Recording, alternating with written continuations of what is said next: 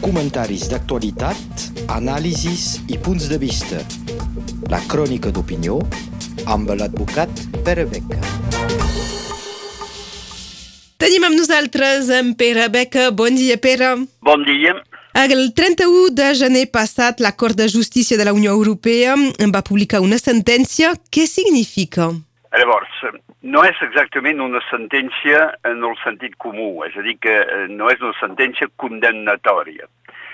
De fet, eh, la Cort de Justícia de la Unió Europea, que és la més alta jurisdicció de la Unió Europea, va contestar al jutge Llarena una pregunta que aquest mateix havia fet el març eh, del 2021, doncs fa dos anys, que era baix la forma de lo que s'anomena una qüestió prejudicial, és a dir, una qüestió prèvia que pot perjudicar o no el procediment en el país específic. I aquesta qüestió prejudicial, eh, la Cort de Justícia Europea, era de demanar que es defineixin els motius per als quals un estat, en aquest cas Bèlgica, podia rebutjar les demandes d'extradició de ciutadans fetes per un altre estat, en aquest cas Espanya, aquests ciutadans siguin refugiats a Bèlgica. Això tractem de Puigdemont, de Comín, de Clara Ponsatí, eh, doncs com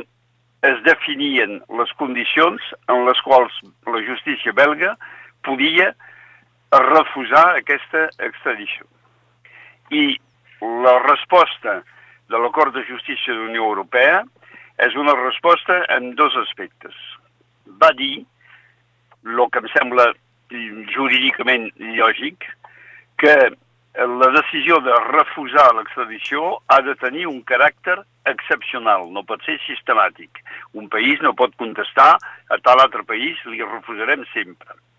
S'ha de demostrar de la part del país que refusa l'extradició de manera, la sentència diu, precisa i concreta, dels defectes, i torno a dir la sentència, sistemàtics o generalitzats, afectant el sistema judicial d'un país membre de la Unió Europea. És a dir, que en aquest cas seria a càrrec de la justícia belga de desmostrar, de provar en el sentit jurídic de la, de la, de la prova, que el judici eventual que tindrien els exiliats que s'extradirien no podria ser just o que de totes maneres hi hauríem dubtes suficients.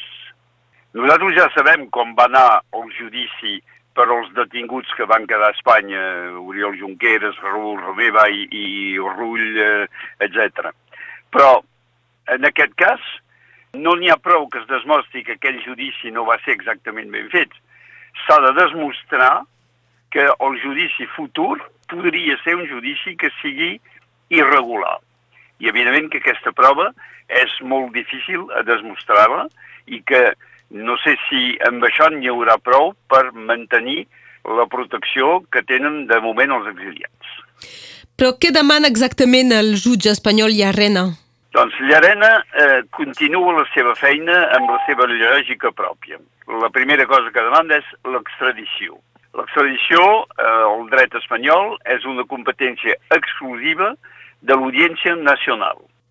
I la legislació espanyola diu que l'extradició no pot ser demanada que per fets greus que justifiquin com a mínim un any de presó, estem en aquest cas, però la pròpia justícia espanyola diu que l'extradició no pot ser per causes polítiques, excepte que es demostrin fets de terrorisme o, per lo menys, violència. I el precedent judici es va demostrar que de violència no n'hi havia, o per menys que la justícia espanyola no l'havia provada, i que, per tant, això no hauria de permetre l'extradició. Per una altra banda, l'extradició, que és la decisió jurídica permetent a un estat de fer-se entregar ciutadans que són d'un altre estat membre de la Unió Europea per presumptes delictes que siguin comesos al seu propi territori. En aquest cas, doncs, Espanya diu hi ha presumptes delictes comesos al, al meu territori, demano l'extradició. Però, tornem-hi, per causes que no han de ser causes pròpiament polítics. I aquí hi entra la consideració del canvi de marc legal que s'ha fet a, a l'estat espanyol eh, a càrrec del govern de Pedro Sánchez. La sedició, que era el fet principal per al qual tots van ser processats i alguns eh, van quedar tres anys a la presó, la voluntat separatista, aquesta sedició només existia a la legislació espanyola. I ara ja no hi existeix més, la legislació ha canviat i no poden demanar extradició per un delicte que precisament no existeix més a Espanya i no existia de fa molts anys ni a Bèlgica ni a l'estat francès. Però queda la rebel·lió, i la rebel·lió és únicament el fet de no haver complert a les convocatòries d'un jutge espanyol, això és rebel·lió, i l'altre delicte és prevaricació, és a dir, fer servir diners públics, en aquest cas per organitzar una consulta considerada com il·legal. I el risc de presó és fins a 8 anys. I ja sabem, amb l'exemple del judici anterior, que els jutges espanyols del Tribunal Suprem no els hi fa por fer servir el màxim de la repressió possible. Llavors queda un altre aspecte. L'altre aspecte és eh, la pertinència eh, dels eh, encausats a el que s'anomena un GOI. Un GOI què és? Un grup objectivament identificat. I aquest grup objectivament identificat ha de tenir una sèrie de criteris, ha de ser un grup composat per una voluntat política, però la dificultat per beneficiar del tractament específic d'un tal grup és que s'ha de poder definir quin és el grup objectivament identificat. Aquest grup que són els polítics catalans, o tots els catalans, o tots els que volen ser independents? Quin és membre? Difícil saber-ho. I el més difícil és que la definició del grup objectivament identificat, qui l'ha de fer? La justícia espanyola, i ja sabem què passarà, o la justícia belga. I aquí estem amb un dubte jurídic molt important de no saber si es pot beneficiar eh, d'aquesta producció de ser membre d'un GOI, d'un grup objectivament identificat. Els exiliats eh, actuals tenen proteccions específiques? Llavors, aquí és una altra consideració, i perdó per ser una mica tècnic, però és un cas una mica complicat. Puigdemont, Ponsatí i Comín, tots tres són diputats europeus. És a dir, que de moment beneficien de la immunitat parlamentària europeu i per això es poden passejar, han vingut eh, moltes vegades, eh, inclús a l'estat francès, a Catalunya Nord, sense cap problema.